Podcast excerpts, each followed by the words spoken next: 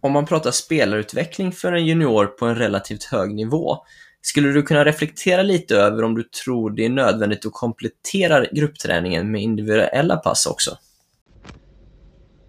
Mm, innan jag börjar gå in lite på individuella pass och vad jag tycker är viktigt där om jag ser behov så tycker jag det också kan vara bra att eh, börja reda ut lite vad jag ser som individuella pass. Eh, jag tycker eh, det absolut inte bara behöver vara när man en spelare, en tränare, utan likväl kan det vara två spelare på en tränare. För att jag ser det att gå inom kategorin individuella pass. Eh, om man sen ser om jag anser det som viktigt så skulle jag vilja börja nummer ett med att kolla lite på okej, okay, hur ser spelarens basupplägg ut i klubb, akademi, tennisgymnasium tennisgymnasie eller liknande. För att ja, därifrån se okej, okay, vilka behov finns för den här spelaren. Så nummer ett är att titta på hur ser upplägget ut, vad har den här spelaren för behov? Och utefter de målsättningarna som man har satt upp för spelaren eh, behöver man då komplettera med någonting för att kunna nå de målsättningarna. Så det tycker jag är att göra en liten analys av först. Eh, Nummer två som jag tycker är jätteviktigt kring detta är att det måste vara den huvudansvariga tränaren som styr de individuella passen. Eh, det är väldigt populärt i dagens tennis att man eh, finns in privattränare som eh, kör den typen av träning. Och jag ser absolut inte nej till det, men allting måste vara styrt i så fall från den huvudansvariga tränaren och att det är den huvudansvariga tränaren som ger privattränaren uppgifter kring vad som ska köras med så att det är en väldigt tät dialog där. Så att inte spelaren hamnar i kläm och får höra en sak från en privattränare och sen får den höra andra sak från sin ansvariga hemmatränare i den miljön den är i där. Eh, sen självklart, om man pratar om spelare som har ambitioner att nå en hög nivå, så tror jag det absolut finns behov av att under perioder lägga in individuella pass. Eh, sen i vilken utsträckning och så vidare egentligen kopplat till exakt det jag nämnde innan, att eh, vilka behov som finns och hur basupplägget ser ut. Eh, något som jag också tycker är viktigt i hela den diskussionen är att gör basen bra först innan man börjar komplettera upp med massa andra saker. Jag tycker det är jätteviktigt kring Kör dina ordinarie klubbpass eller akademipass eller vad, vad det nu är för någonting på ett väldigt, väldigt bra sätt först innan man börjar lägga in massa individuella pass för spelaren. Eh, jag tror man kan komma väldigt, väldigt långt på ett bra grupp, gruppupplägg också. Sen självklart är jag helt införstådd med att man behöver komplettera upp med saker. Eh, så det är väl mycket mina tankar kring det om vi pratar individuella pass.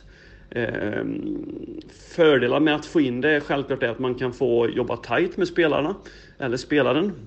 Eh, ha möjlighet att kunna individuellt anpassa träningen ännu bättre eftersom det generellt på de passen är lite färre spelare att ta hänsyn till så man kan göra det lite mer individuellt anpassat.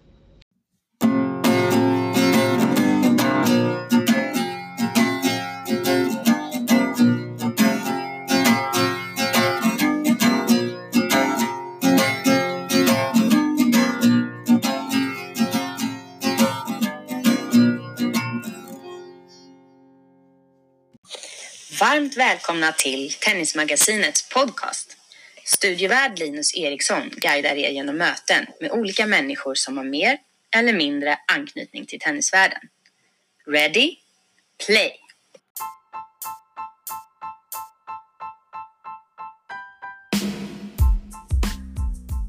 Rösten ni just hörde var Samuel Ekberg, tränare i Helsingborgs Tennisklubb och ansvarig för bland annat gymnasieträningen där. Samuel, född 1982, har ett förflutet i Marks Tennisklubb utanför Borås, men är verksam i just Helsingborg sedan 12 år tillbaka. Han har under åren haft landslagsuppdrag, gått elittränarutbildningen på Bosön och kombinerar idag jobbet i klubbverksamheten med just gymnasieträningen på hemmaplan.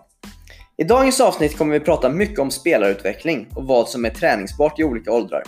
Samuel berättar om skillnader mellan att jobba i en liten klubb och en stor klubb, arbetsmängden som tränare, hur han ser på internationellt tävlande för 12-åringar, vikten av att fokusera på process före resultat, hans syn på ranking som junior, vikten av utbildning för tränarkåren och om han tror på att det finns en fördel i att ha varit spelstark själv som spelare när man sen går in i coachrollen.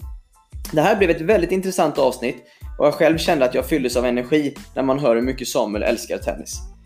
Det finns ett litet segment där vi pratar om eh, den svenska tennisrankingen och jag och Samuel var lite osäkra på eh, de olika åldrarna vi, som kommer upp på tal. Det är möjligt att vi var något år fel i vår diskussion där. Men, det, men diskussionen är lika intressant ändå skulle jag nog tro. Hur som helst, hög tid att rulla igång avsnittet med Samuel Ekberg.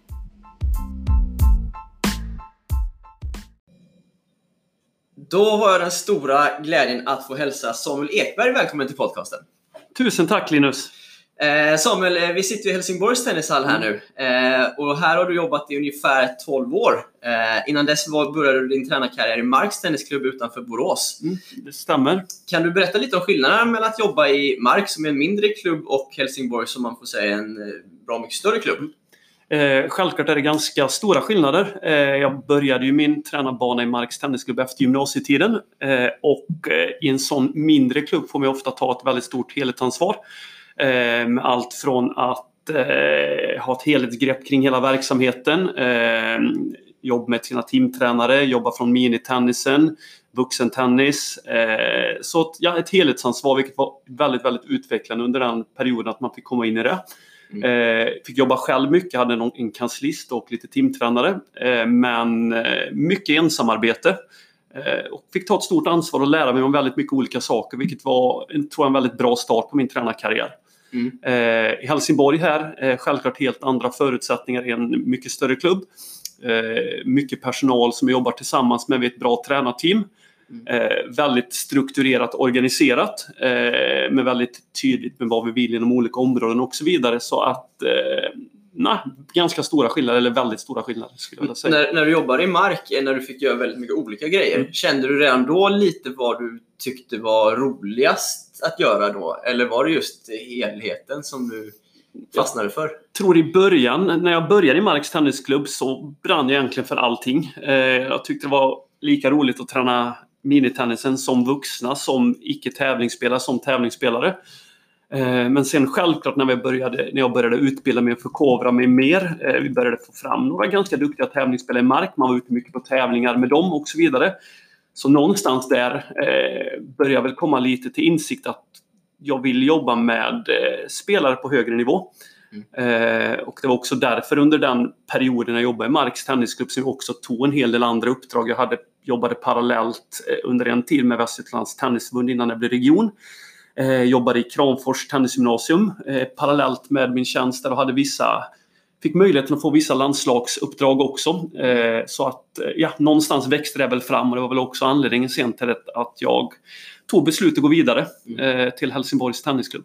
Vad har du för an, eh, arbetsområden nu i Helsingborg? Eh, nu ingår jag egentligen i våran, kan man säga, elitverksamhet. Eh, där jag har dels hand om våra tennisgymnasium på NIU där jag är anställd av Helsingborgs stad och skolan där. Så jag har en 30% anställning där.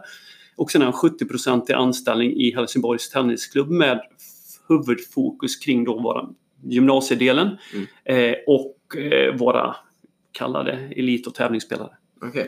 Eh, du, du, nämnde där att i Mark så jobbar du ganska mycket på egen hand mm. med, med, några få kollegor bara. Eh, här i Helsingborg är det ett större team. Mm. Eh, var det en stor övergång för dig att jobba i ett team med kollegor eh, mer än ensam? När jag kom till Helsingborgs tennisklubb var vi inte ett lika stort team i och för sig. Eh, då var det en klubbchef eh, och så min kollega som jobbar med under väldigt, väldigt många år, Mattias Arvidsson. Eh, så det var framförallt vi som jobbade ihop då. Så det var självklart ett större team än i Marks tennisklubb, men ändå inte så mycket som vi har lyckats bygga upp det nu. Mm. Eh, men självklart är det en skillnad. Eh, I Mark gjorde jag allt, det var jag som bestämde allt. Mm. Här när jag kom hit så ja, kunde man inte ja, bestämma exakt lika mycket som jag gjorde där, men det är något man kom in i mer och mer. Mm. Och får ta också ett större och större ansvar ju längre man har varit här. Mm. Hur kändes det i början då, att inte få bestämma lika mycket? helt okej okay, faktiskt. Eh, hade inga större problem med det. Eh, jag kände väl framförallt när jag kom hit att eh, första året så att jag ville ju sätta mig in i verksamheten och allting fungerade. Eh, få bra koll på spelarna, eh, få koll på strukturen, hur vi tänkte inom olika områden. Så jag tyckte det var ganska skönt i början att jag får växa in i den rollen och eh, när jag kände mig mer och mer trygg med hur klubben fungerade kunde jag också då successivt ta ett större och större ansvar. Så det var faktiskt inget, inget problem för mig. Om man säger nu idag då, eh, hur mycket av din arbetstid går åt till rent sportsligt arbete och hur mycket gör du annat som är lite längre bort från det sportsliga? Jag skulle vilja säga att vi ändå har någonstans lyxen här eh, i Helsingborgs Tennisklubb, vilket jag är väldigt, väldigt glad för att vi får ägna oss väldigt mycket åt det sportsliga. Mm. Sen är det självklart bitar som ja, aktivitetsstöd och så vidare som eh, man måste göra som eh, kanske inte ligger riktigt hand i hand med det sportsliga. Men jag skulle vilja säga att merparten av mitt jobb är kring det sportsliga. Mm. Eh, har en procentfördelning på ungefär 70% bana och 30% administration. Mm. Och den administrativa delen är väldigt mycket kring tävlingsplaneringar, kontakt med spelare och föräldrar, eh, träningsplaneringar, kontakt med vår fyscoach, eh, kontakt med mina kollegor och diskutera upplägg och så vidare. Mm. Eh, diskutera, ja, så det handlar faktiskt merparten kring det sportsliga, vilket jag eh, tycker är jättekul. Mm. Ja, du sa 70 procent, eh, eller 70 procent var du så på banan, mm. så det, ungefär. Ja. är, det, är det en bra fördelning tycker du med 30 procent administrativt? Eller hade du behövt mer, eller skulle du klara dig på mindre? Jag tycker den är ganska bra. Allting beror ju, om jag pratar Allmänt så beror det på vilken roll man har självklart. Eh, men för min del, eftersom jag inte har då så mycket bitar runt omkring som inte är sportsligt, mm. Eh, så tycker jag den fördelningen är relevant. Mm. Hade jag däremot haft väldigt mycket andra uppgifter som inte hade berört det sportsliga eller ett ännu större administrativt ansvar så hade självklart man kanske fått gå ner lite i bantid. Men någonstans, jag trivs med den fördelningen. Jag brinner väldigt mycket för att stå på banan. Mm. Det är ändå den absolut roligaste biten och självklart tycker jag också övriga bitar kring spelarutveckling och det sportsliga är jävligt kul. Eh, så att jag tycker fördelningen känns, känns bra. 70 hur många timmar på banan ungefär innebär det? Eh, nu har inte jag haft en heltid eftersom jag också varit föräldraledig under senaste delen. Men när jag jobbar fördelat på en heltidstjänst så är det 27 timmar på banan ungefär. Okay. Eh, sen har jag en 70-procentig tjänst då på, i, i Helsingborgs Tennisklubb. Ja. Eh, så det är ju ja, 70 procent av det. Ja, ja om vi pratar det administrativa arbetet, eh, hur bra känner du att vi tennistränare är på det? Eh, svår fråga. Eh, jag kan kanske inte svara på andra, utan jag kan mest svara kring mig själv. Sen eh, tror jag också det beror väldigt mycket på från person, eh, vilken roll man har och så vidare, hur mycket krav som ställs kring det administrativa. Eh, men jag tror om vi pratar kring det som berör spelarutveckling Eh, Eh, så tror jag generellt att väldigt många tränare är duktiga på det. Lägger ner mycket tid på det. Eh, följer upp sina träningsdagböcker, eh, sitter med sina tävlingsplaneringar. Eh, så den biten tror jag generellt många är duktiga på. Eh, pratar vi den andra delen så Jättesvårt att svara på. Jag vet faktiskt inte hur det ser ut på andra ställen. Jag tror väl någonstans, nu pratar jag väl lite från eget tyckande också, men att Många som blir tennistränare vill väl förhoppningsvis syssla med det sportsliga och syssla med tennis om det så är med eh, minitennis, eh, miditennis, maxi, eh, träningsverksamhet i tennisskolor, vuxentennis eller tävlings och elitverksamhet. Så det är väl någonstans det som många brinner för och kanske självklart då är bättre på. Eh, men jag tror någonstans att, i alla fall när jag var i en mindre klubb, så när man har en roll där man tvingas ta ett större ansvar med vissa större administrativa sysslor, så växer man också in i de rollerna och eh, ja, lär sig det. Så jag mm. tror ja, generellt att eh, varierar, men generellt tror jag att tennistränarna löser det på ett bra sätt. Mm. Eh, om man tänker att en he heltidstjänst är, är, är, 40 timmar i veckan ungefär, mm. eh, blir det mycket övertid? Ja, det blir det absolut. Eh, sen tror jag lite samma där. Jag, jag ser i alla fall tränaryrket som en livsstil. Mm. Eh, så att man måste lägga ibland mer tid. Mm. Sen ska det självklart inte vara att man varje vecka får lägga 60 timmar i veckan utan det måste ju vara någonstans någon rimlighet i det. Framförallt också om man har familj, barn. Eh, så måste det ändå, tycker jag, bli en rimlighet i arbetsbelastningen och att organisationen fungerar på ett sådant sätt så att det inte är en kravbild på att alla måste jobba alldeles för mycket. Mm. Eh, men jag tror för de som brinner för sitt yrke och vill framåt och hjälpa svensk tennis och klubbens eller akademins eller vad det är, de spelarna, så behöver man ibland lägga lite mer tid och det är lite obekväma arbetstider, helger och så vidare. Men jag tror många som är inne i denna branschen också ja, brinner för det och då mm. ser man det inte som direkt betungande och framförallt kanske inte som övertid heller. Kan man bygga en bransch då på att tränarna eh, behöver lägga liksom, övertid för att kunna jobba med det? Då? Eh. Eller krävs det att man brinner för det så mycket för att kunna jobba med det här? Nej, men jag, tror någon, jag tror någonstans att eh, jag tror det är viktigt eh, kring en organisation. Självklart inte att det ska inte vara ett krav på att organisationen ska fungera även om man inte jobbar 50-60 timmar varje tränare. Mm. Men sen tror jag att många tränare lägger den här lilla extra tiden för att man faktiskt vill det. Men jag tror samtidigt någonstans lite som du är inne på att jag tror att eh, organisationen ska inte stå och falla på att tränarna jobbar 60-70 timmar i veckan. För då tror jag den organisationen i den föreningen eller den verksamheten man är i kan bli ganska sårbar om de personerna försvinner. Eh, så en organisation som gör att det blir ett rimligt arbetssätt och en rimlig arbetsmiljö.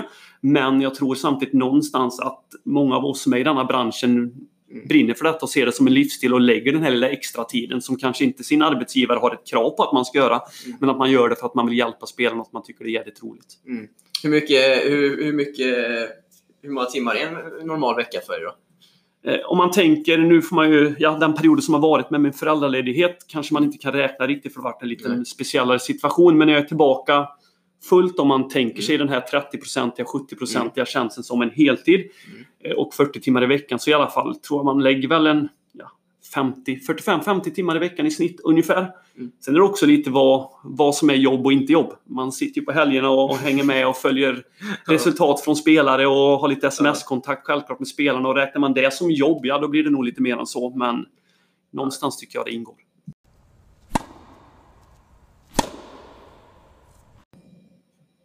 Vi kommer att prata ganska mycket om spelarutveckling här idag Samuel. Ja. Eh, vad är spelarutveckling för dig?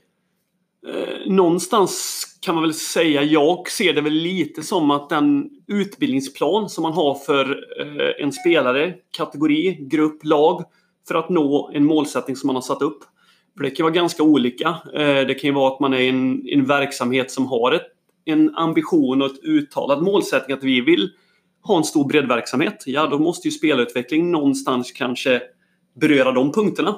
Mm. Eh, eller också kan det vara att man jobbar med en spelare som har en ambitionsnivå och en dröm någonstans att jag vill kunna livnära mig på detta. Mm. Och då måste ju det någonstans den spelarutvecklingen gå, ja, beröra de områdena som krävs för det. Mm. Så någonstans lite kopplat till, skulle jag säga, målsättning. Mm. Okay. Eh, och det som då innefattar en, de bitarna är ju väldigt vitt och stort begrepp. Mm. Det är alltifrån det tekniska, taktiska, fysiska, mentala, miljö, eh, resurser och så vidare. Eh, så det är ett stort begrepp som man kan ägna mycket tid att prata om. ja, ja, precis. Det är ju, man kan ju prata hur mycket som helst om det, som mm. du nämnde, i flera mm. olika bitar. Mm. Men, men, vi kommer gå igenom lite olika åldrar. Mm. och vad du tycker är viktigast i de olika åldrarna att fokusera mm. lite på. Mm. och jag tänkte vi börjar nerifrån. under ja, tioåringar mm. ungefär. Mm. Eh, vad skulle du säga är viktigast i de åldrarna? Eh, innan jag svarar lite kring detta, mm. tänker jag, när jag tänker det lite så eftersom det är eh, väldigt individuellt. Det kan ju vara 12-åringar som är eh, som 14-15-åringar. Alltså det är väldigt stor skillnad i den biologiska åldern. Eh, så jag kanske tänker lite i detta ämnet innan pubertet, under pubertet och efter puberteten. Okej. Okay. Um, Men vi tar före puberteten då? Mm. Och vilka eh, åldrar är det då, tänker vi oss? Det är ju, skiljer också kille, kille tjejer självklart. Mm. Tjejerna har ju generellt så gått in lite tidigare i puberteten. Mm. Eh, men killsidan 13 år yngre ungefär kanske. Mm. Eh, tjejsidan ungefär 12 år yngre men det är som sagt det kan ju skilja sig, skilja sig ja. i, i de bitarna där. Mm. Eh, men om jag skulle prata innan puberteten, vad jag tycker är och vad jag ser som viktigt där. Eh, självklart någonstans tycker jag alltid det är viktigt inom alla de här bitarna att tänka lite fysiologiska fönster. När vissa saker är lite mer, tränings, lite mer mottagliga för att träna. Mm. Eh, innan puberteten, självklart stor vikt vid motorisk inlärning, koordinativ träning. snabbhetsträning, mottagligheten stor innan puberteten eh, styrketräningsbitar med egen kropp och enkla redskap. Mm. Eh, teknikträning i grundläggande styrkeövningar som knäböj, marklyft, eh, frivändningar och så vidare. Mm. Eh, andra idrotter eh, tycker jag är en stor fördel om man kan hålla på med. Och kan man inte hålla på med det eller utövarna det så läggs ett ännu större, tycker jag, ansvar på föreningar eller den verksamheten de är i. Mm. Eh, tänker man lite mer tennismässigt också så tänker jag har under väldigt lång tid jobbat mycket med att ge dem en så bred bas som möjligt. lite kopplat också kring motorisk inlärning, att man är mottaglig för väldigt mycket saker motoriskt innan puberteten och då tror jag att någonstans kan man ge dem väldigt mycket redskap. Tennismässigt är så har man någonstans en fördel av det sen när man kan, ska bygga lite mer spelidentitet och så vidare, att man kan mycket grejer. Eh, taktiskt tänker jag väl mycket att man framförallt jobbar med att förstå grundläggande spelmönster. Eh, stadig cross, när ska vi byta riktning, varför byter vi riktning? Eh, lite basspelmönster med utåt, serv, spela upp en bana, tillbaka samma hörn. Alltså mycket, mycket bassaker och generellt tycker jag att lägga lite mer fokus på generella bitar. Mm, mm. Det är väl lite så jag tänker kring innan puberteten. Får ni in alla de här bitarna i den dagliga klubbträningen för de här åldrarna? Eh, nu ansvarar inte jag för de allra, den yngsta delen som vi har eh, mina kollegor som jobbar med, eh, som gör ett fantastiskt bra jobb kring de bitarna där. Mm. Eh, för det låter som ganska mycket ändå. Ja, alltså jag tror någonstans så här att innan puberteten är det en enormt viktig uppgift för eh, verksamheter och klubbar och tränare att eh, få in väldigt mycket saker. Mm. Ehm, jag skulle vilja säga att vi har jobbat med vår organisation under väldigt många år. Mm. Eh, lägger väldigt mycket resurser nu på de yngre åldrarna. Mm. Eh, vi har eh, en heltidsanställd tränare på den delen, Anna Nyman, som gör ett jättebra jobb där. Mm. Vi har Marcus Lindberg, vår klubbchef, som också går in och hjälper till mycket där. Han är även involverad i utbildningssidan och utbildar inom de här bitarna. Mm. Och vi pratar mycket om det. och de jobbar väldigt mycket med att lite det jag pratade om, att få in många olika saker rent koordinativt motoriskt.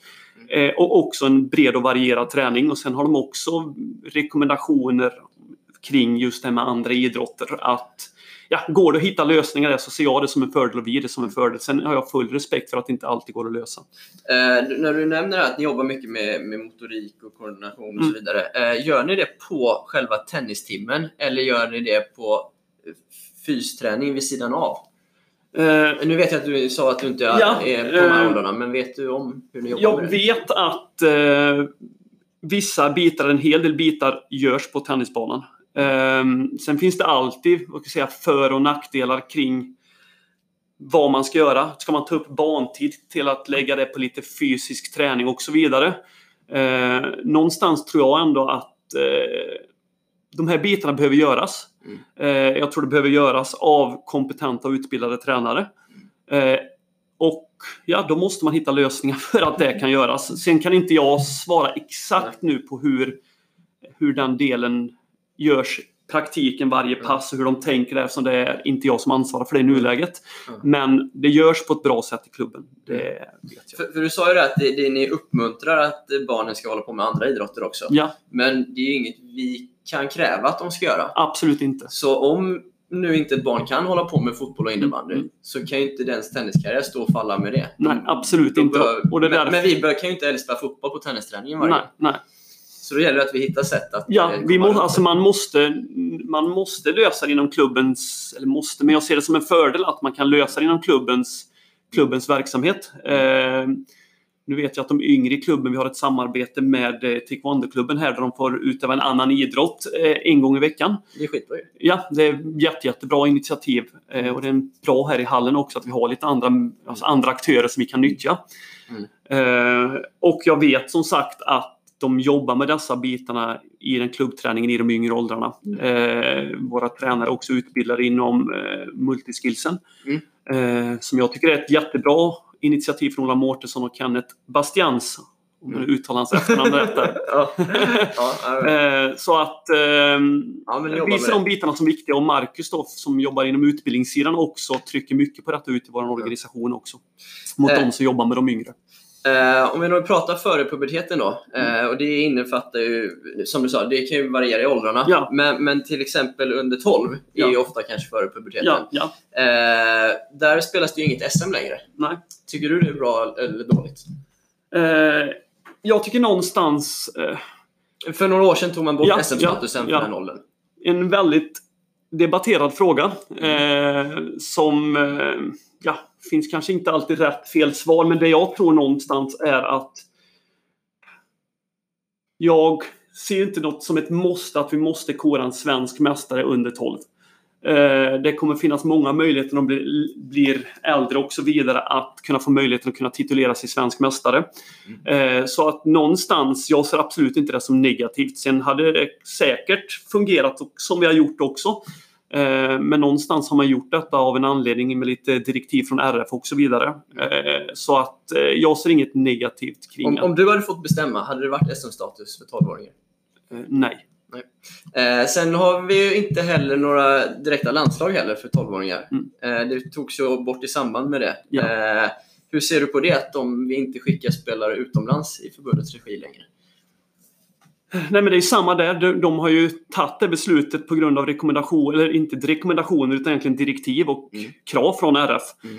Eh, och då är det det man måste förhålla sig till. Eh, så jag ser inget problem med det. Däremot tycker jag att olika klubbar och så vidare kan samarbeta och få ut sina spelare och spela vissa internationella tävlingar under 12. Mm. Eh, för det ser jag som en, om man håller en nivå att göra det, ser jag det som jätte, jättebra.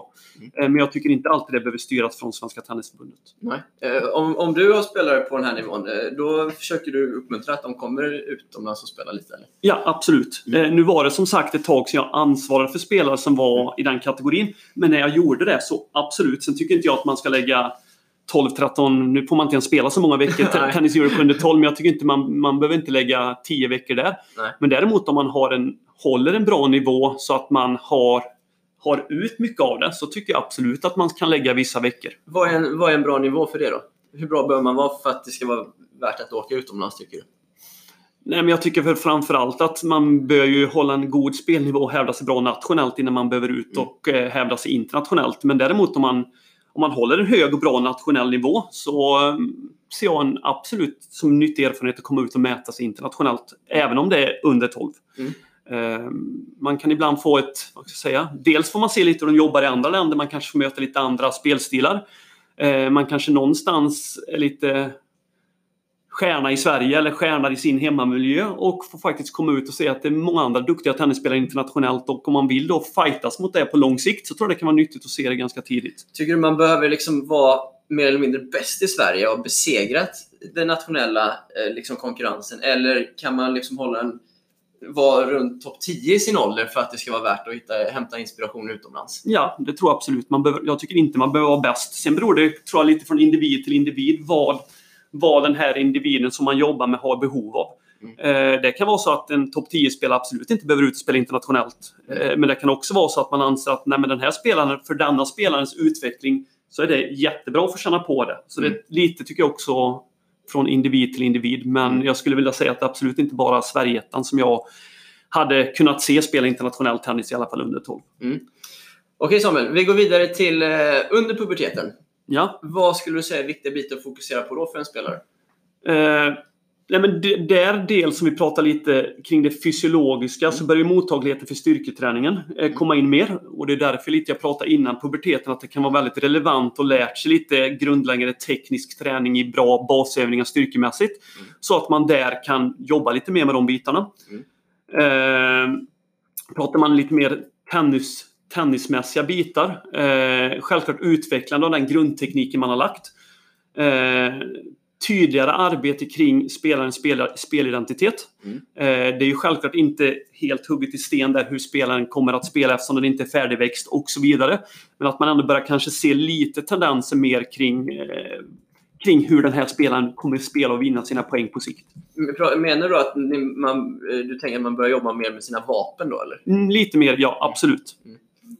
Hur, hur viktigt är det tycker du att bygga just vapen kontra att kanske kunna allting på banan? Jag tror någonstans, alltså är man, är man självklart fantastiskt bra på allting. Nu har man ju en Federer som är, ja, han är väl världsklass på allting skulle man vilja säga. Ja, så är det, själv, det ja. Så är det självklart eh, oerhört bra. Ja. Och inte ha några direkta svagheter. Men jag tror någonstans att vara medel på allting. Eh, då tror jag det är bättre någonstans att ha två stycken riktiga vapen från en serv och en forehand som ett exempel. Mm. Eh, än att vara medelbra på allting. Sen är ju självklart konkurrensen tuffare och tuffare idag som vi pratar nu ett elitperspektiv mm. på hög ATP och VTA-nivå. Mm. Så man får inte ha för stora hål i, sin, mm. i, sin, i sitt tenniskunnande. Mm. Eh, för då kommer ju duktiga spelare nyttja det. Mm. Eh, men om jag skulle säga så, så vapen ser jag självklart som viktigt. I, den här, I de här åldrarna då, under puberteten, eh, hur skulle du rekommendera en fördelning mellan tennis och fysträning ungefär? Jag skulle kanske säga ungefär 60-40. Till tennis? Ja. ja. Ungefär 60 procent. Fysen är otroligt viktig då, eller? Ja, ja, det tycker jag. Sen är det ju alltid, vad ska jag säga, vad räknar man i fysisk träning? Eh, räknar man skolidrott i fysisk träning eller vad, vad räknar man in där? Men någonstans tycker jag av den, av den totala träningsmängden som man har så tycker jag väl att cirka 40% bör kunna vara annan, annan aktivitet och annan träning. Mm. Och det kan räknas in självklart skolidrott som kan vara jätterelevant i den delen också, men kvalitativ träning. Mm, mm. Eh, och hur tänker du kring tävlandet i den här åldern? Om man tänker att de är runt 14-15 Mm. år kanske någonstans. Ja. Eh, Tennis Europe, om man håller den nivån, är det bra att åka på till exempel? Ja, men det tycker jag. Alltså lite på samma som jag var inne på under 12 så tycker jag absolut att... Eh, alltså, jag tycker rankingsbitar och så vidare brukar inte jag fokusera på. Men jag tycker någonstans att, att komma ut även där och få mäta sig internationellt. Kanske framförallt om man håller en nivå Mm. eh, där man kan få spela de lite tuffare Tennis Europen. Som eh, om vi tar under 14, Bolton, Tarbs. Eh, om man har nivå för att vara där Mm. Och få mäta sig i den miljön där och med den proffsigheten som det är på de tävlingarna med linjedomare, bollkallar, Mm. mycket publik eh, och så vidare. Så tror jag att, absolut att det kan vara väldigt utvecklande. Mm. Du var inne på det här med, du, du nämnde ranking i förbifarten. Mm. Eh, förut, eh, eller förr i tiden, så fick man ju en eh, Sverige-ranking när man var 13 år Ja. i Sverige. Eh, nu finns det ju ingen uttalad ranking längre, utan en rating. Ja. Eh, vad har du för tankar kring det? Eh, om man tar faktiskt just kring den biten, kring om vi pratar ratingen och så vidare, så är jag ganska dåligt insatt exakt hur den fungerar. För jag brukar inte fokusera så mycket på tidigare då tennispoäng och numera Mm. rating. Eh, Mm. utan jag fokuserar på idrottslig utveckling och sportslig utveckling. Går inte de hand i hand då? Eh, jo, absolut kan de göra det. Eh, generellt är det ju så att blir man, blir man bättre i tennis så kommer väl troligtvis ratingen bli bättre också. Men jag brukar hellre fokusera i den andan att se till att bli bättre i tennis så kommer de bitarna mer och mer. Okej. Men så du tycker, inte, du tycker det är okej att man inte har en ranking längre i Sverige? Eh, I 13 års ålder. Eller, Ja, eller, ja. eller rating. Nej, ja, precis. Eh, ja, alltså sen som sagt vet inte jag hur ratingen exakt fungerar kring, vad ska jag säga, eh, ja, hur snabbt man går upp, hur snabbt Mm, man tappar och mm. så vidare och vad det systemet skulle kunna bidra till. Men eh, nej, jag ser väl inget i nuläget så säga, problem med det. Nej. Okej, vi går vidare då till efter puberteten. Eh, vad, vad tänker man kring utvecklingen där? Vad jobbar man på? Nej, men någonstans tar vi det, bitarna där så tror jag att här handlar det absolut, för nu har ju spelaren blivit mer och mer vuxen. Mm. Eh, ännu mer fokus kring det mer specifika. Eh, både om man pratar kring styrkebitarna eh, och den fysiska utvecklingen. Jag tror ju någonstans lägger man en bra, bra bas innan och under puberteten så kan man självklart kanske jobba lite mer specifikt efter puberteten kring de bitarna.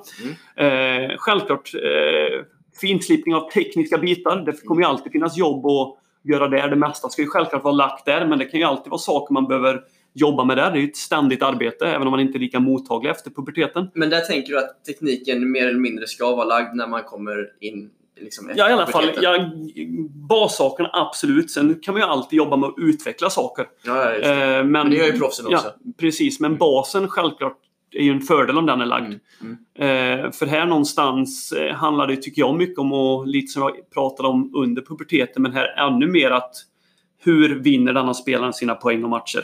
Mm. Eh, och det någonstans lägga väldigt mycket, väldigt mycket fokus på. Mm. Eh, mer fokuspunkt att träna för hur, hur man ska vinna. Mm, mm. Eh, Okej. Blir det mer viktigt att vinna i de här åldrarna? Självklart är det så att när man ju, ju, längre, man, ju längre man kommer på sin resa Eh, så självklart man kan ju inte ta bort vikten av att vinna. För att någonstans som man kanske framförallt tävlar på en internationell seniornivå där det handlar om att kunna ta sig upp från future-nivå upp på nästa steg och så vidare. Så självklart är ju Ja, vinner man inte så kommer man vara fast på den nivån och då kommer det bli dyrt och det kommer vara tufft att ta nästa steg. Så man kan inte förringa självklart att, att vinna kommer vara viktigt. Det är självklart så. Eh, och det är ju någonstans, eh, hitta vägar att vinna är ju viktigt eh, även tidigare. Mm, mm. Eh, men självklart blir det lite mer, vad ska jag säga, fokus på att hitta, hitta vägar för att vinna matcher när man kommer upp i den nivån. Mm. Eh, alla de här bitarna du pratar om här, liksom att skapa en spelidentitet, mm. eh, jobba med det taktiska, mm. jobba med det tekniska mm. och så vidare. Finns det utrymme att göra, eller att jobba med alla de bitarna i en klubbmiljö? På en onsdag eftermiddag här. Pratar jag ska prata om ja, Helsingborgs tennisklubb. Ja, nu får du prata om din vardag. ja, det anser jag absolut att det finns. Mm. Vi har en, tycker jag, en bra, bra organisation till att kunna möjliggöra att spelarna kan bedriva en väldigt bra satsning hos oss. Mm. Vi har bra möjligheter till dagtidsträning och morgonträning. Eh, pratar med de yngre åldrarna så har vi ett samarbete med en högstadieskola mm. eh, som möjlig, möjliggör träning två morgonpass i veckan från årskurs 6. Mm. Eh, vi har då den delen som jag ansvarar för kring eh, gymnasiedelen och sen har vi en dagtidsdel där Heikki Rävara, vår nya tränare, har ett stort ansvar och gör ett jättejobb där. Mm. Så vi anser att vi har goda möjligheter till att kunna, ja, kunna ge spelarna där, vi, där de behöver. Mm. Oavsett egentligen vilken nivå de är på. Mm. Så det går att gå igenom stegen liksom från ung ålder upp till en internationell nivå ja. i Helsingborgs struktur? Ja, det anser jag absolut att det gör. Mm. sen självklart kan det vara så här att spelare, men om man pratar en bit som någonstans blir viktig när man vi har varit inne lite på det, internationell tennis och när man ska ut och börja spela mer och mer internationellt, kanske framförallt när man kommer upp på ITF-nivå där det börjar bli lite, skulle jag vilja säga, lite viktigare ändå. Eh, och sen när man då tar nästa steg kring eh, ja, futures och så vidare, 10 000, 15 000 upp där. Eh, så självklart kommer det kräva mycket resor och där kan ju inte vi som klubb lösa hela det paketet. Nej. Och då tror jag det är viktigt någonstans att man är öppen, eh, kunna hitta samarbeten, Eh, prata ihop sig med andra klubbar, andra aktörer som eh, RIG Båstad. Eh, good to great ifall man, någon spelare kan hänga med där, att man kan hitta de möjligheterna. Så hela paketet behöver man självklart stöttning av annat, andra aktörer för att hjälpa, hjälpa, alltså hjälpa till för att kunna lösa. Mm. Eh, men eh, mycket kan vi göra. Mm. Du var inne på det här liksom med, med om man tänker ITF-rankingen, det är ju under 18 då, ja. Eh, juniorrankingen. Mm. Hur viktigt viktig är den liksom, perioden för en spelare, tror du? Nej, men jag tror det är en, absolut en jätteviktig period. Mm. Ehm, jag tror någonstans där att uh, kunna, kan man komma upp på nivå när man spelar ITF Junior, som man kan, lite jag var inne på innan när man pratade under, framförallt under 14, och kunna spela lite, kunna kunna spela de större tävlingarna där. Mm. Kan man vara på en nivå så man får möjlighet att spela Grand Slammen mm. så tror jag det är en jättenyttig erfarenhet för många spelare. Eh, att få vara i den miljön, kunna träna jämte proffsen där, kanske till och med få möjlighet att sparra och träna med proffsen. Mm. Um, så det tror jag absolut. Uh, finns jättemycket vinning av att uh, spela bra på ITF Junior. Går det att uh, bli liksom en riktigt bra internationell spelare som senior utan att ha varit bra som junior, tror du? Ja, det tror jag absolut går. Det finns ju exempel på spelare som har gjort det. Mm. Eh, vi kan ta Victor Estrella Burgos som ett exempel som jag tror, nu ska jag inte svära, vi har folk säkert som lyssnar här som har ännu mer koll på just den statistikdelen än vad, än vad jag har där. Eh, men jag tror, om inte jag har helt fel, att han tog sin första ATP-poäng när han var 22-23 kanske. Okay. Mm. Så absolut går det. Men är det en fördel att ha varit bra som junior? Ja, det tror jag väl absolut att det är en fördel. Mm. Eh, sen är det inget likhetstecken med bra junior, duktig senior, för det är ett stort steg att ta. Men självklart är det någonstans, det är ingen nackdel att vara duktig i, men det är ingen nackdel att vara världsetta som junior om jag säger så. Mm. Eh, sista frågan här på just den internationella tennisen. Du pratar där liksom om att när man når en viss nivå att man kanske åker på Tennis Europe, mm. man åker på ITF-tävlingar mm. utomlands. Hur mycket sådana tävlingar kan ni tränare åka med spelarna på i Helsingborg idag? Eh, tar man under 14, om vi pratar Tennis Europe där. Eh, nu har det inte varit något under den här perioden av Nej, naturliga orsaker. Men, normalt men tar vi året innan det så cirka 5-6 veckor. Tennis okay. Europe. I klubbens regi? I klubbens regi, ja. Det är bra ändå. Ja, men det tycker jag absolut. Mm. Ehm, tar vi ITF Junior har vi inte varit, säg att vi har varit på de, framförallt de svenska, någon eh, lite i Danmark också och så vidare. Så där har vi inte, jag säger, ja, kanske har blivit 4, 5, 6 stycken där också, något sånt. Hur, hur viktigt tror du det är som, för en tränare att se spelaren spela match? Eh, enormt viktigt. Eh, jag tror det är jag tror det är någonstans väldigt svårt att jobba med eh, spelare som har nu har jag varit inne lite på internationella ambitioner och så vidare, men spelare som har den ambitionsnivån om man inte ser dem i match. Mm. jag tror det är, ja, jag tror det är väldigt viktigt. Mm. Sen hur mycket kan man alltid diskutera, men någonstans eh, måste man få se dem i skarpt läge. Eh, för det är en sak på träningsbanan och en annan sak på matcharenan. Mm. Och jag tror också det är jättenyttigt om vi pratar, den här delen vi pratat lite om internationell tennis, tror jag inte bara är för är för spelarna. Jag tror li lika viktigt nästan för tränarna att kunna komma ut på en Bolton Tarps och se okay, hur är de bästa 14-åringarna internationellt. Mm. Och kunna ta med sig bitar där och jobba med. Eh, för man blir lätt, jag, jag inkluderat, eh, lite blind i sin egen verksamhet. Eh, och ibland behöver man vidga de vyerna och faktiskt komma ut och se att eh, det händer lite grejer i andra länder än Sverige också. I en klubbmiljö på eftermiddagarna så, så är man ju ofta tre eller fyra på banan. Eh, Medan vi pratade om att vad man skulle träna i olika delar av den fysiologiska utvecklingen. Kan det inte bli komplext då om man, spelarna har kommit olika i sin utveckling i, i den här gruppen du har? Eh, jo, absolut är det komplext. Eh, pratar man i en klubbmiljö, som precis som du säger, med tre, fyra på banan så ställer det ju stora utmaningar på oss som tränare. Eh, pratar vi om den fysiska delen så är vi som klubb, och vi pratar då Helsingborgs Tennisklubb, eh, har förmånen att jobba ganska tajt med eh, personer som hjälper oss kring den fysiska träningen. Eh, så inom den delen kan man ju då hitta bra lösningar kring om vi pratar fysisk utveckling rent åldersmässigt.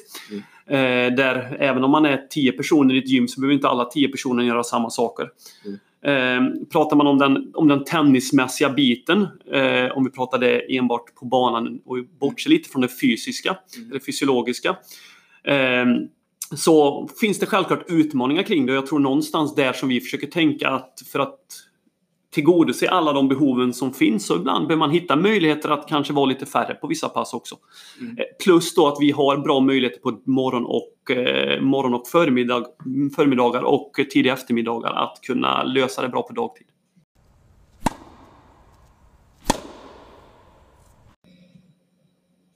Rent generellt eh, Samuel, eh, hur ser du på det här process kontra resultattänk? Mm jag tänker väl lite, jag snuddade vid det, vid det tidigare. Någonstans kommer, vad ska jag säga, för den aktiva sånt så kommer alltid vinsten vara viktig. Mm. Eh, den är ju svår att plocka bort och tittar man lite på, på duktiga spelare, de som har blivit, nu pratar vi extremt hög nivå, men tar vi toppen Nadal, Federer, Djokovic, hur enormt imponerande det har varit att se hur de har utvecklat sin tennis under resans gång mm. och fortsatt att vinna. Eh, men eh, när jag jobbar med att prata lite yngre spelare och så vidare så tänker jag ju väldigt mycket, mycket process att utveckla saker. Eh, framför jag pratar väldigt lite kring resultat där. Eh, från klubbens sida till exempel så mm, lägger vi inte ut resultat med spelare med pokaler i de yngre åldrarna och så vidare. För vi någonstans vill tona ner lite resultat och eh, titta, lite på, titta på lite andra värden. Och jag tror väldigt mycket på att jobba med olika processmål eh, framför resultat. Sen någonstans kommer självklart alltid resultaten finnas med. Mm. Eh, det tror jag är jättesvårt att plocka bort. Men jag gillar inte att sätta upp för en 14-åring att du har det stora målet detta året att du ska vinna Salka Open för 14-åringar. Det är någonstans... Så jobbar inte jag med mina spelare i alla fall. Men visst ska det vara en motivation att få vinna? Att få vinna den här pokalen? Ja, absolut. Men jag tror inte jag någonstans behöver prata så mycket om det för, mot spelarna. Utan jag tror många ja, jag tror de har den motivationen själva så jag försöker snarare fokusera på processen för att kunna nå det resultatet. Mm. Eh, så att man får in, och framförallt eh, processen på lång sikt. Att, menar, ja, det är jättekul att någon gör bra resultat under 14 i ett, i ett SM eller i ett Salka Open men någonstans eh, så ser jag väl det som viktigare att jobba med en långsiktig process för att kunna leverera resultat senare. Mm. Men, men det, är, det är väl ofrånkomligt att det är ändå roligare för en spelare att förlora än att vinna, eller att vinna än att förlora? Ja, det är, eh. absolut är det det. Och det säger jag ingenting om. Alltså, och som jag säger, resultatet kommer alltid finnas med. Ja. Men jag som ledare brukar inte trycka så mycket, mycket kring det. Men, men det jag tänker då är ju liksom att du som tränare då, som kanske är med och hjälper till med en tävlingsplanering till exempel. Ja. Hur tänker man kring den biten? Att de ska få möta bra spelare mm. och spela roliga tävlingar. Men det är ju samtidigt viktigt att de får vinna matcher också antar jag. Ja. Hur eh, liksom, går, tänker man kring när man gör en tävlingsplanering för en spelare? Nej, men jag tror det, alltså det beror ju självklart också på, på vilken individ som det handlar om. Eh, så bara för att förenkla lite hur jag tänker kring det. Mm. Eh, så kollar man, okej, vilka behov har den spelaren som man arbetar med? Eh, vilk, har den behov av att mäta sig mot spelare som spelar i ett högre tempo? Ja, då lägger man in det i tävlingsplaneringen. Har de behov av att lufta vingarna och känna på internationell tennis? Ja, då lägger man in det. Har den behov i en tävlingsplanering att den här spelaren, okej, jag vill att den här spelaren ska känna att den får stå överst på prispallen under ett antal tävlingar. Ja, då lägger man in det i sin tävlingsplanering. Så det är svårt att säga att gör så här, utan jag tycker det är väldigt individanpassat vad respektive spelare behöver. Kan det ibland vara nyttigt för en spelare att liksom få åka på en rejäl knock och känna på verkligheten liksom där Ja, det också? tror jag absolut det kan vara. Eh, sen är det inte det för alla. Eh, men för vissa spelare, absolut tror jag att det är det. Eh, Om man, om man tänker då en junior som är, håller en hög nivå. Vad, vad är bäst val? Att gå upp i åldersklass och tävla i Sverige med äldre spelare eller att åka kanske utanför Sveriges gränser och tävla i sin egen ålder för att få bra matcher? Vilken ålder?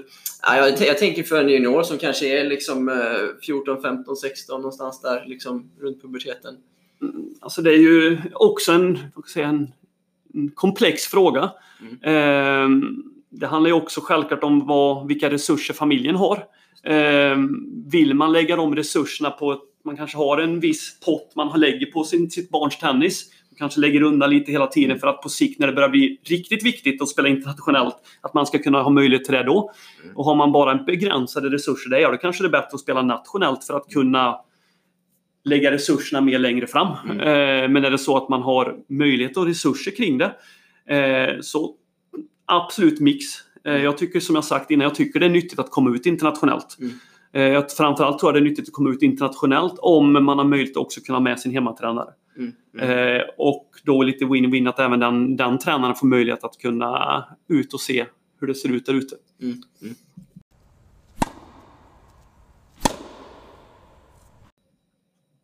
Under de här åren du har jobbat som tränare, från att du började till där du är idag. Eh, har du, och i så fall hur har du, förändrat din coachingfilosofi? Eh, ja, jag har väl förändrat den ganska mycket. Eh, skulle jag vilja säga från när man började som ja, efter gymnasiet i Marks tennisklubb och tills jag är där jag är idag. Ehm, tar vi punkterna egentligen. När jag började som tränare så tänkte jag mig att teknik, det är den gyllene formen för framgång. Det är liksom teknik det handlar om. Ehm, och la då väldigt mycket fokus på teknik. Och rent estetiskt såg det väldigt bra ut på många av de spelarna. Ehm, men jag kanske glömde av vissa bitar kring den taktiska utvecklingen också på vägen där. Så det är någonting som jag har ändrat ganska mycket. När jag började som tränare tror jag ganska många såg mig som den här teknikfreaket Samuel Ekberg. Eh, Men eh, det är någonting som, som jag tycker fortfarande teknikutveckling är jätteintressant och självklart viktigt. Eh, Men eh, det finns, handlar inte bara om att ha snygga slag för att bli en bra tennisspelare.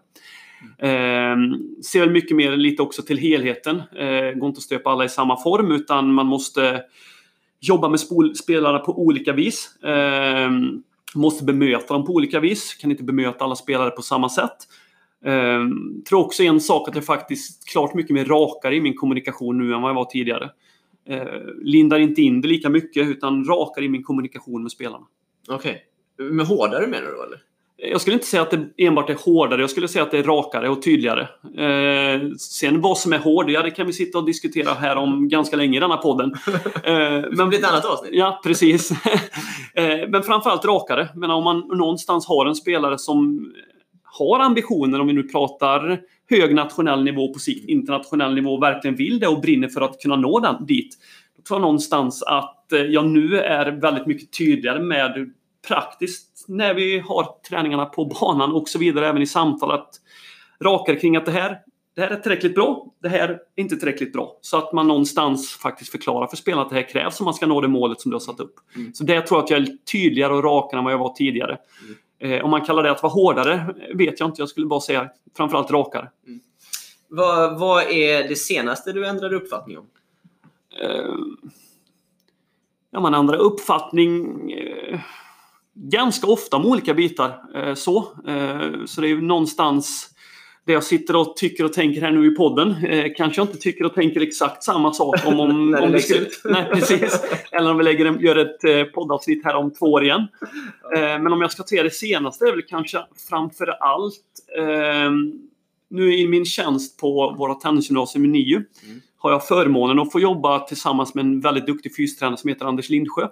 Eh, där vi sitter och diskuterar både i, lite när vi har samlingar på skolan och även i det praktiska när jag är på gymmet med våra aktiva.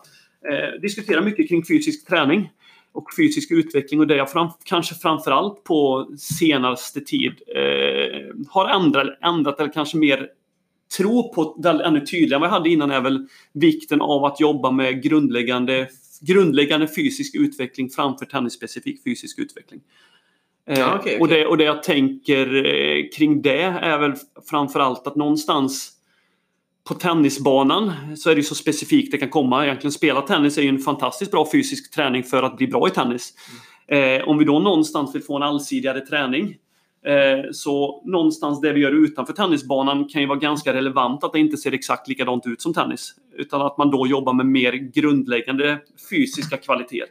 Eh, sen självklart om man kommer upp på en nivå när vi pratar efter puberteten om vi pratar väldigt hög nivå så självklart jobbar de jättemycket specifikt i gymmet och så vidare. Men någonstans, min syn på det i alla fall är att eh, viktigt att man har en väldigt bra generell bas innan man börjar jobba specifikt med de bitarna. Okej, men, men förr eller senare så börjar man jobba mer specifikt. Absolut, absolut. Men jag, min bild är lite att, eh, Man gör det för tidigt. att man ibland gör det för tidigt. Ja. Okej. Vad tror du på som du upplever att andra tycker är lite galet? Eh,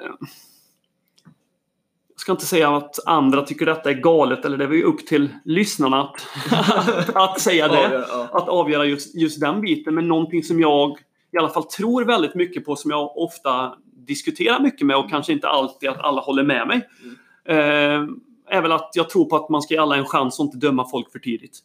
Eh, och det jag vill komma till det menar jag både lite kring tennismässiga kvaliteter. Eh, jag tycker man i många fall är väldigt snabb med att prata om att där har vi en talang, den är duktig, den kommer bli någonting, den kommer inte bli någonting. Att man är väldigt snabb med att döma. Eh, också lite kring vad kan jag säga, lite mentala eller idrottspsykologiska aspekter kring att den spelaren är lat. Eh, och så vidare. Att man är snabb att döma där. Jag tror någonstans att det är en av kanske våra viktigaste roller som pedagoger och ledare. eh, Att faktiskt hitta sätt att hur ska man bemöta olika personer. För alla är unika och då gäller det faktiskt någonstans för oss att hitta verktygen att kunna bemöta olika individer. Och jag tycker någonstans att de personerna som man som kanske är lite, säga, lite svårare, inte ställer in sig i ledet som alla andra gör, är ju faktiskt någonstans det mest intressanta att jobba med. Eh, För det ställer mest utmaningar på oss som ledare och pedagoger. Mm, mm. Eh, Men det kan ju vara mest intressant och utmanande för dig som pedagog. Mm. Men likväl så kan den här spelaren fortfarande vara lat.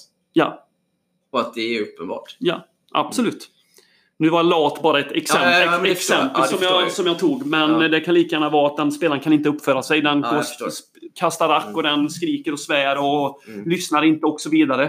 Eh, men någonstans tror jag att det handlar om att eh, ofta ett beteende som man ofta, man är ofta snabb på att döma beteenden när man går ut på, när man går ut på vilken tennistävling i Sverige som helst så ser man ett rack flyga här och där och en boll som flyger och ett skrik från en spelare. och Ibland dåligt uppförande. Och man är så snabb tycker jag ibland på att döma det. Eh, jag tror någonstans att det finns ofta bakomliggande orsaker som ligger till grund för det beteendet man sen visar på en tennisbana eller om det så är i en idrottshall eller på en fotbollsplan eller vad det är. Eh, Och någonstans är det väl vår uppgift som ledare och pedagoger när vi jobbar med de typen av personli- personer och personligheter att eh, ta reda lite på okay, vad faktiskt kan ligga till grund för detta och Mm. kanske där man också behöver lägga arbetet. Eh, vilket är självklart väldigt komplext för man träffar inte spelarna mer än kanske det som är på tennisbanan och så vidare. Mm. Mm. Eh, men jag tror någonstans att eh, vissa bitar eh, behöver man kanske jobba med utanför tennisbanan också. Mm. Men det är inte alltid man har tid för det. Absolut inte. Eh, och jag tror någonstans, om vi bara, om vi bara är inne lite på det, Ja.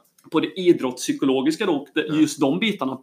Eh, jag tycker ibland också det är lite säga, tabubelagt att prata kring de bitarna. Mm. Och framförallt kanske också tabubelagt ibland att ta hjälp kring de bitarna.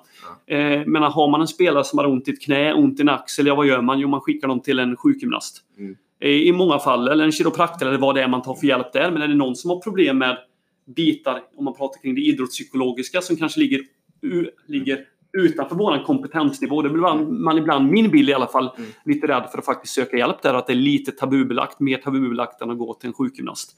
Så jag tror det finns eh, bitar där som det kommer nog komma mer och mer tror jag. Ja, det att tror jag det också. Blir mer och mer accepterat. Det tror jag också. Och man ser också fler och fler som tar hjälp, tar ja. hjälp av det och så vidare. Jag vet ju från min elittränarutbildning, jag hade en väldigt duktig person, Göran Kente, eh, som, eh, som föreläste inom de bitarna där och han eh, är ju involverad inom skidskyttelandslaget som ett exempel. Så jag tror fler och fler faktiskt tar den hjälpen. För det är ju någonstans, tror jag, för oss som tränare självklart önskvärt att vara expert inom alla områden. Mm. Eh, men det tror jag kan vara tufft att vara. Men jag mm. tror någonstans en styrka hos en tränare att, att vara ödmjuk och inse att det här har jag faktiskt ingen expertkompetens kring och mm. våga ta hjälp kring de områdena. Du nämnde där elittränarutbildningen. Vi kommer återkomma till det alldeles strax här. Eh, men, först eh, några frågor till här. Vad skulle du säga är mest bortkastad tid kopplat till tennis? Träning kanske jag ska lägga till utveckla hur du tänker lite ja, kring... Men om du eh, känner, finns det ibland att du upplever att vi tränare eller liksom tränar på saker som är... Man kan träna på saker som är viktigare, till exempel. Eller att man åker på tävlingar där man känner att Nej, men det här skulle du kunna spendera viktiga, den tiden på viktigare grejer. Ja, det är också en väldigt stor fråga eh, och eh, väldigt komplex för det är ju ja, olika från, eh, från vilket, var man är någonstans. Men jag kan ja. prata kring mig själv i den ja. frågan kanske istället. För där har jag lättare att kunna ge relevanta svar. eh, det är också någonting jag tror om man bara pratar lite rätt kan ta ett sånt enkelt begrepp mm. som en inbollning. Nu mm. kanske inte jag alltid gillar att använda ordet inbollning utan jag vill säga att träningen börjar direkt. Mm. Men det tror jag någonstans om man tittar både hos oss eh, och hos mig som eh, ledare och även som hos kanske hur det ser ut på andra ställen finns kanske mer saker man kan göra bättre där. Mm. Eh, jag jobbar nu mer och mer självklart. Något man tar med sig på resans väg och eh, utvecklar att eh, väldigt mycket uppgifter direkt på träningarna. Mm. Så att man får bort lite den här slentrialmässiga starten på en träning. Mm. Utan någonstans börjar träningen direkt där. Så att få dem påkopplade från början på passen. Mm. Sen om det finns andra bitar generaliserar jag väl lite igen där utan att eh, veta exakt hur det ser ut i varje verksamhet runt om i Tennis-Sverige. Men jag tror någon, någonting som man i alla fall behöver hitta sätt att få in mer tid på, på bekostnad av, av annat, är ju vikten av att lägga mycket fokus på servreturer, mm. andra slag. Mm. Vi var inne lite på det kring spelmönster, bygga spelidentitet mm. och så vidare. Men mycket fokus på, på det. Eh, också tänker jag att eh, få in mer moment där det blir lite skarpt läge i träningen. Där det faktiskt betyder någonting och det blir lite mer nerv på grejerna. Mm. Sen är det en jätteutmaning att kunna hitta det i alla moment i träningen. Eh, och där har inte jag alla svaren, alla facit på, på det. Eh, även om jag jobbar och tänker på det mer och mer. Men just att det kan se fantastiskt bra ut när spelarna står där och pumpar sina forehand-cross och backhand-cross i ett avslappnat och skönt tillstånd. Och de här servarna sitter perfekt på träning när det är avslappnad miljö. Men någonstans kunna hitta lite mer triggers i, i det träningen där, där det blir lite mer skarpt läge under träningen. Kan du ge ett exempel på hur du jobbar med det? Nej men alltså, enkelt. Man kan ju ta, ta serven som ett exempel. Försök, en sak jag använder mycket, sen om det blir tillräckligt mycket trigger eller inte, det får man ju kanske fråga mina aktiva kring. eh, och jag funderar jättemycket på det hela tiden. Men att vi jobbar mycket med, vi körde ITN-testet som är var ganska länge sedan ITF tog fram ITN-testet för serv. Mm. Där man jobbar med att, att, eh, med att få poäng. Man ska placera bollen på exakt, olika ställen den ska gå... Exakt, över en power, ja. Eh, power zone och så vidare. Eh, jag jobbar mycket med till exempel i vissa slagövningar att de måste spela ett visst antal slag i rad för att få poäng. Mm. tävla mot varandra för att vilka får mest poäng och så vidare. Så man får in lite tävlingsmoment i de bitarna också. Ehm, så mycket fokus jag, när jag gör det, mycket kring placeringssaker. Kunna sätta bollen där man siktar, kunna göra det inte bara en gång utan konsekvent tre, fyra gånger för att få en poäng och så vidare. Så det försöker jag väl lägga in mycket kring i den dagliga träningen. Mm. Uh, ja, men det är bra. Uh, en bok, film eller person som du sett upp till eller hämtat inspiration ifrån? Uh, tyvärr nu som småbarnsförälder, så om man säger film så har det väl inte varit något speciellt. Jag är väldigt eh, inspirerad av olika idrotts och sportfilmer. Jag kan inte plocka fram någon film just nu som jag sett på senare tid. Mm. Uh, bok skulle jag inte säga någon specifik heller. Jag läste ju väldigt mycket intressanta böcker under eh, elittränarutbildningen. Eh, där jag självklart hämtade enormt mycket inspiration från. Eh, men jag skulle säga faktiskt så här att min största inspiration eh, hämtar jag från det dagliga jobbet. Mm. Eh, dels med mina kollegor som jag har här, där jag känner att någonstans att vi har högt i tak. Vi kan diskutera vitt och brett kring saker. Vi håller inte alltid med varandra, mm. vilket är, tycker jag är jättebra. Mm. Det kan man inte göra i alla frågor, men vi diskuterar väldigt mycket tennis. Mm. och eh, har högt i tak och vi lär oss av varandra hela tiden. Mm. Jag tycker också att man får ut säga, inspiration och lär sig i det dagliga hela tiden när man jobbar med aktiva. Ställs inför nya utmaningar hela tiden. Lite som vi var inne på att när man jobbar med vissa personligheter ställer andra utmaningar på mig som ledare och i det arbetet så lär jag mig saker hela tiden. Det är vissa saker som jag gör nu som jag absolut inte skulle gjort för några år sedan och så vidare. Och det är säkert saker jag gör nu som jag kommer kolla på om två, tre år och tänka det skulle jag kanske gjort något annat. Så någonstans tycker jag att man, det är en ständig ut, utveckling och utbildning. Eh, pratar mycket med tränarkollegor runt om i landet. Eh, försöker diskutera saker, jag är ganska öppen just kring det att jag inte... Har jag ens någon sak med en spelare jag känner det här har jag fastnat lite kring, jag behöver hjälp kring det, jag känner att det här behöver jag, behöver jag få lite input kring. Då är jag ganska snabb att faktiskt ta hjälp av eh, personer som jag tycker är duktiga. Mm. Eh, det är viktigt. Ja, jag känner det själv att eh, ibland blir man också hemmablind när man jobbar med en spelare under lång tid och man är i samma verksamhet. Att lite andra ögon ibland tycker jag är jättebra. Mm. Eh, ja, en, en, eh, se om du förstår den här frågan. Men vi, om vi leker med tanken på att du får hand om ett, en junior som är 6-7 år någonstans och din uppgift är att ge det barnet så extremt goda förutsättningar det bara går för att bli så bra som möjligt i tennis. Eh, vad skulle du göra då? Det är också en komplex fråga. Eh, för det, beror ja, det förstår vi. Ja. eh, för det beror ju självklart på hur den individen är, hur hemförhållandena är och så vidare. Eh, det jag, jag, skulle väl framförallt se till lite det jag har pratat om som vi inledde med ganska tidigt i den här podden kring fokus innan, innan spelaren, den aktiva, kommer upp i pubertetsåldern. Att den får hålla på och få en så allsidig träning som möjligt. Eh, hålla på med andra idrotter. Självklart då skulle jag ju, om jag då hade fulla möjligheter att kunna göra vad jag vill, se till att man hade, den personen hade kunnat hålla på med flera olika idrotter. Eh, upp i de åldrarna. Eh, en varierad tennisträning, eh, precis som vi varit inne på. Eh, så en väldigt, väldigt bred bas innan puberteten hade varit en, tror jag, en nyckel. Mm. Och så det jag hade jobbat för om jag hade haft helt fria tyglar. Okay. Sen eh, som sagt så är det ju, ja, som vi pratar om mycket, och någonting som jag faktiskt tog efter lite på elittränarutbildningen. Det är mycket som beror på. som du säkert märker Linus. ja, det, det, jag känner det så pass väl. Eh, men, men, tror du att om man tänker hela vägen från ett, liksom, en ung junior mm. upp till en liksom, övre junioråldrarna. Mm. Eh, Tror du att det går att bli en internationellt bra spelare genom ett renodlat klubbupplägg idag i Sverige? Eller behöver det kompletteras externt? Nej, men lite, som jag, lite som jag pratade om tidigare här så tror jag att det självklart beror på hur det ser ut i olika klubbar. Om jag pratar här så kan vi täcka upp mycket från Helsingborgs Tennisklubb. Men kan ni täcka upp allt? Det som jag nämnde tidigare just om man pratar kring eh, resandet. Mm. Eh, så absolut kommer vi behöva ha hjälp av externa personer som kan hjälpa till med det.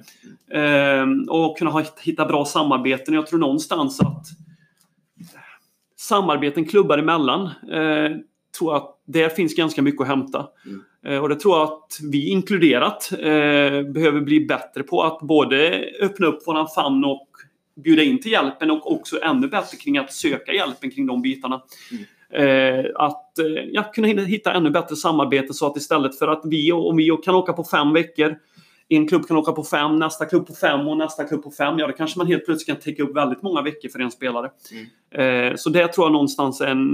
Men då blir det ju inte med sin egen coach? Då. Nej, det blir det inte. Eh, självklart är det en önskevärd att man hade, hade kunnat ta med sin egen coach, men då någonstans, ofta som det ser ut i alla fall i en klubbmiljö i Sverige, så är sin egen coach inte bara dens coach utan den har hand om väldigt många andra spelare också. Och skulle då en spelare ta hela kakan med en coach på 20-25 veckor, då hade ju de någonstans spelarna mm. på hemmaplan inte fått ta del av den coachen lika mycket. moment 22. Precis, läge. och det är någonstans tror jag som vi tänker lite i Helsingborgs Tennisklubb att vi har självklart att vi har våra ansvarsområden, vi har ansvar för vissa spelare, att man, jag ansvarar för ett visst antal spelare och så vidare, men vi ser hela tiden teamet som den stora delen. Mm. Eh, visst, är en ansvarig tränare, en kontaktperson, någon som självklart måste styra bitarna. Mm. Men eh, teamet måste vara starkt kring detta så att om en tränare är borta så ska ju det arbetet fortgå på samma sätt och den utvecklingen med den spelaren även om inte är den ansvariga tränaren som bedriver den praktiska träningen. Eh, om man ser eh, Sverige som helhet då, varför tror du att svensk tennis har tappat i den internationella konkurrensen och vad ska vi göra för att ta oss uppåt igen? Eh, hur lång tid har vi Linus? Ja, men, ja inte allt för lång Nej. tid, men ge de bästa svaren. Nej, alltså det är ju... Jag tror en, en del i detta eh, som jag... Någonstans är det så här också tycker jag att jag tycker ibland det är lite elakt i media och så vidare och snacket kring svensk tennis att mycket jämförs mot glada 80 och 90-talet. Eh, och tittar man på konkurrensen nu inom tennisen, hur global tennisen har blivit, så är ju konkurrensen tuffare nu. Eh, så att vi ska kunna komma tillbaka till den nivån tror jag är eh, ett önsketänkande och en, en drömvärld. Jag, jag, jag ska inte, man ska inte säga omöjligt, Nej, men jag skulle vilja säga att det är- enormt tufft i alla fall att vi ska nå dit. Jag tycker någonstans det är inte det vi ska jämföra oss mot heller. Eh, men jag tror, tror en bit egentligen det vi har varit inne lite på och pratat kring att ut, ännu bättre och utbildade tränare. Eh, och framförallt tycker jag någonstans att eh, innan puberteten, där, det man är, där spelarna och de aktiva är väldigt påverkningsbara, eh, behöver vi ha tränare som har kompetens kring hur man ska träna barn. Mm. Så jag tror mycket någonstans man lägger en, en stor bas där i yngre åldrarna. Eh, och då tror jag det är viktigt att tränarna är kompetenta inom det området. Och jag, nu har jag som sagt inte inblick i hur det ser ut i alla klubbar runt om i landet och jag vet att många klubbar gör ett enormt bra jobb där. Eh, Men jag tror någonstans att den generella tränarkompetensen i landet, mig inkluderat som sitter här och pratar, eh, behöver bli ännu bättre. Mm. Eh, Det, v- vems fel är det då? Eller vem, vi behöver inte hänga ut en person. Men, men är det liksom att utbildningssystemet idag i Sverige är för svagt? Eller är det att tränare inte är intresserade nog att faktiskt utbilda sig? Nej, men pratar, vi, pratar vi om utbildningssystemet, nu har jag ju faktiskt eh, jag har ju gått eh, den gamla tränar, tränarutbildningen med TK1, TK2, TK3 och TK4 och då gått elittränarutbildningen efter det. Eh, men jag tror absolut i alla fall när jag, det jag har hört, nu har inte jag alla siffror på detta, men att om man tittar i ett internationellt perspektiv, om man pratar utbildningstimmar och så vidare, hur mycket utbildningstimmar som det krävs för att bli tränare i olika länder, så tror jag att Sverige inte ligger i topp där. Eh, kring, vad ska jag säga, hur... Nej, men det gör vi ju inte. Nej. Du behöver inte säga att du tror. Nej. Det gör vi ju inte. Nej. Nej. Så att där någonstans finns det väl eh, en del att hämta, skulle jag vilja säga. Mm. Eh, så att eh, absolut, tycker att man absolut ska jobba med att fortsätta utveckla tränarutbildningen i, inom Svenska Tennisförbundets regi. Mm. Eh, jag tror också att det ligger på oss, oss som jobbar där. Mm. Att hela tiden vara lyhörda och intresserade av att söka ny kunskap. Det var ju därför jag sökte in på elittränarutbildningen själv. För att Mm. jag ville förkovra mig mer. Ehm, Och det fanns inget mer i själva Nej, inte, tennisutbildningssystemet? in, inte då. Nej. Eller det, jo, det var precis i upp, Man hade väl i och för sig kommit igång med de eller vad säger de nya, nya utbildningarna nu. Mm. Som man har nu. Men någonstans kände jag också att jag hade gått det gamla utbildningssystemet. Eh, och kände att jag ville faktiskt eh, grotta ner mig lite mer eh, på djupet. Vad jag hade förstått, eller förstod jag då när jag sökte, att det fick man verkligen på elittränarutbildningen då flera av mina tränarkollegor har gått den. Vi- Vilka saker var det du kände att du ville grotta ner dig mer i då? Som du inte Eh, kände att du hade fått, fått? Framförallt skulle jag vilja säga två delar. Eh, träningslärardelen. Mm. Och kring detta kommer då in kring den fysiska träningen och så vidare. Eh, också faktiskt något som jag alltid varit väldigt intresserad av är ju idrottspsykologidelar. Mm. Eh, så jag kände att där vill jag faktiskt få mer kompetens och mer kunskap kring. Mm. Så det är väl de två delarna jag känner att eh, där fick jag med mig väldigt mycket. Jag tycker också faktiskt lite tredje begrepp som vi pratade mycket om, en kurs kring talangutveckling. Eh, tycker jag var väldigt intressant och givande. Lite när vi pratade om det här med lite det jag var inne på innan, att man är snabb att döma spelare i unga åldrar och så vidare. Ehm, så den tycker jag också jag fick med mig mycket intressanta funderingar kring. Eh, sen en enormt, jag säga, något jag fick med mig väldigt mycket från den utbildningen var ju den eh, kompetensutvecklingen och utbytet mellan de olika idrotterna. Mm. Eh, nu kommer jag inte ihåg Det exakt. är snacket liksom i, Eh, korridor, när man fikade. ja, liksom. korridorsnacket Ja, mm. eh, tycker jag var enormt intressant och inspirerande. Många bitar som man brottas med inom tennisen som vi diskuterar, diskuterar man ju självklart också på, inom de andra idrotterna. Det är inga unika frågor de vi sitter och diskuterar utan det är vissa samma frågor där också. Mm. Men det är också intressant att höra lite deras syn inom olika, inom olika områden.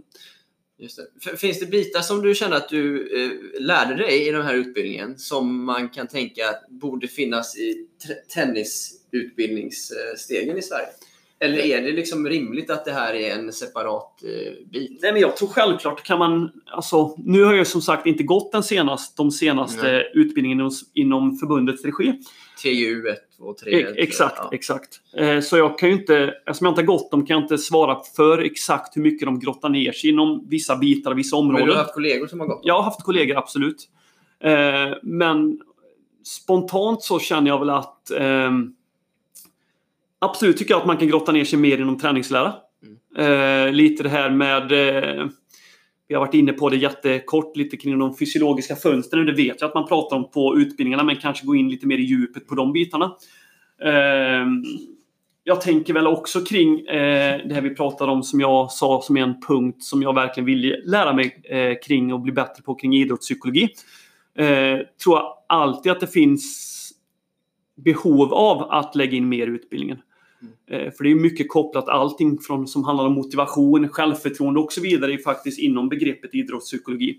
Eh, Så det tycker jag också är ett, ett ämne som man skulle kunna in, ha med mer kring. Mm. Eh, Utan att veta exakt hur mycket det nu är med i, Mm. i de utbildningarna. Men det, jag tycker det är viktiga ämnen som jag tror att man skulle kunna grotta ner sig Mm. mer i i alla fall. Talangutveckling också tycker jag är jätteintressant. Jag tror om vi pratar kring det tennisspecifika, kring tennisteknik och så vidare. Min bild och det jag tror att, eh, att det är ganska bra. Mm, mm.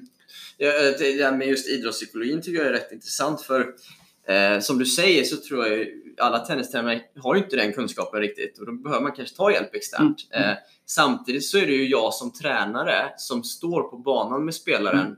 och de flesta, alla de flesta timmarna Ja. och faktiskt kommunicerar med spelaren. Ja. Så jag tror ju att där behövs ju ett samarbete alla tre för att det ska bli fungerande.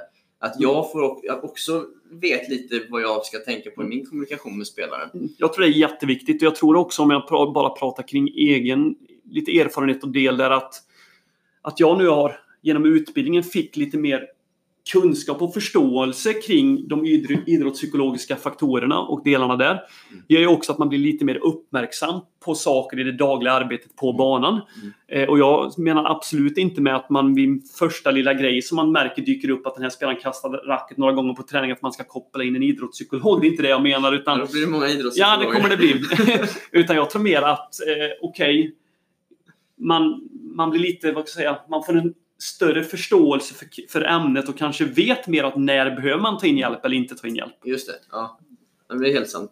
Eh, en svår fråga då, men om man av, av det du, hur mycket av det du kan idag och det du vet idag Samuel, skulle du säga är, att du har lärt dig från just utbildningar du gått kontra vad är ren erfarenhet? Jag tror någonstans att det är ett, säga, en, ett, en symbios mellan de två bitarna. Eh, jag tror om vi pratar utbildningsbitarna så har jag känt själv, både när jag gick de gamla TK-utbildningarna inom Svenska Tennisförbundet och också gick elittränarutbildningen, att den största vinningen där, det som var viktigt för mig där var att jag kunde jobba praktiskt samtidigt som jag utbildade mig. Vilket gjorde att de bitarna som jag fick med mig på utbildningarna, de utbildningarna jag gått, har jag faktiskt kunnat ganska direkt kunnat se okej, hur fungerar detta i skarpt läge på tennisträningarna?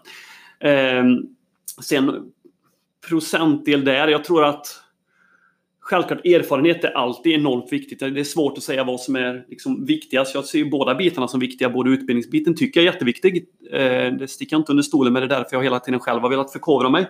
Men självklart är erfarenhet också ovärderligt. Men jag själv, om jag bara pratar det, jag har inte varit på någon Grand Slam-turnering. Eh, det hade jag önskat att jag hade varit. Att jag hade varit dels kanske självklart ännu bättre som spelare så jag hade fått spela på större arenor som spelare när jag var aktiv. Men också som tränare att kunna vara, vara med på de större arenorna där. Så nu när jag, om jag förhoppningsvis någon gång i framtiden kommer få möjlighet att göra det, det vet man ju inte, men om jag någon gång kommer få det, eh, så är det kanske svårt att plugga sig till de sakerna. Mm. Utan någonstans där tror jag att de som har gjort det tidigare, som vet hur allting fungerar, vet med träningsbanor och så vidare, och så vidare, har självklart en stor fördel där.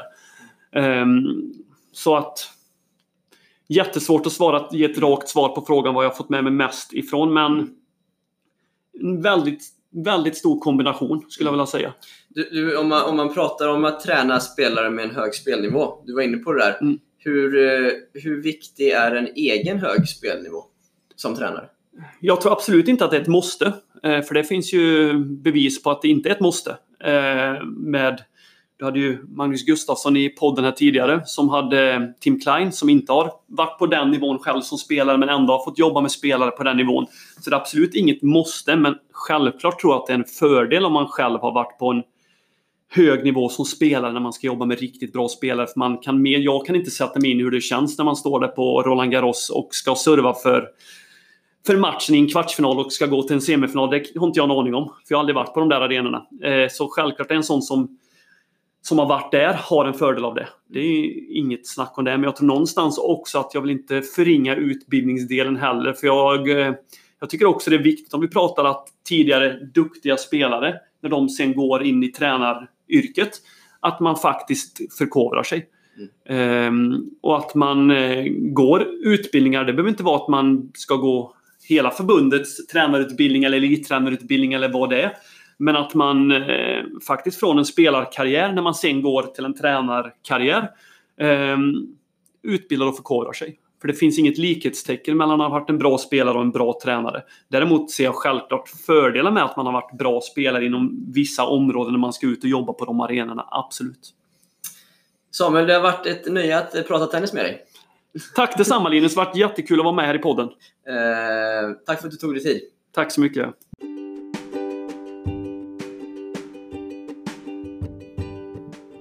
Jag tyckte vi kom in på rätt många intressanta bitar i det här avsnittet med Samuel. Hållbart ledarskap är ett område som går att diskutera mycket. Man förväntas som tränare jobba kvällar, helger och flera timmar än en heltid egentligen är. Men samtidigt som, säg något annat yrke där man inte behöver jobba mycket för att nå långt inom.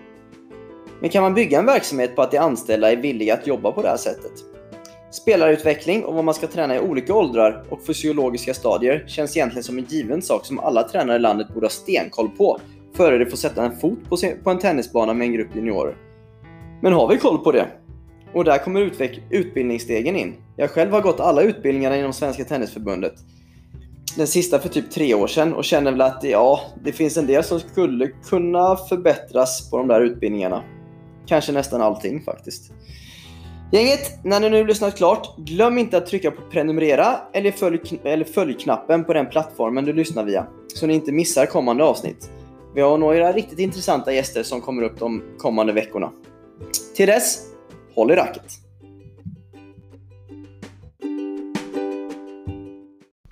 Glöm nu inte att prenumerera och följa podcasten på plattformen du använder så du inte missar något avsnitt. Svenska Tennismagasinet är landets ledande magasin om tennis och belyser såväl internationell som svensk tennis på alla nivåer. Tidningen utkommer med sex utgåvor per år. Vill ni veta mer? Surfa in på www.tennismagasinet.se. Vill ni komma i kontakt med mig? Maila mig på linus.eriksson tennismagasinet.se. Det är alltid kul med feedback. Vi hörs i nästa avsnitt.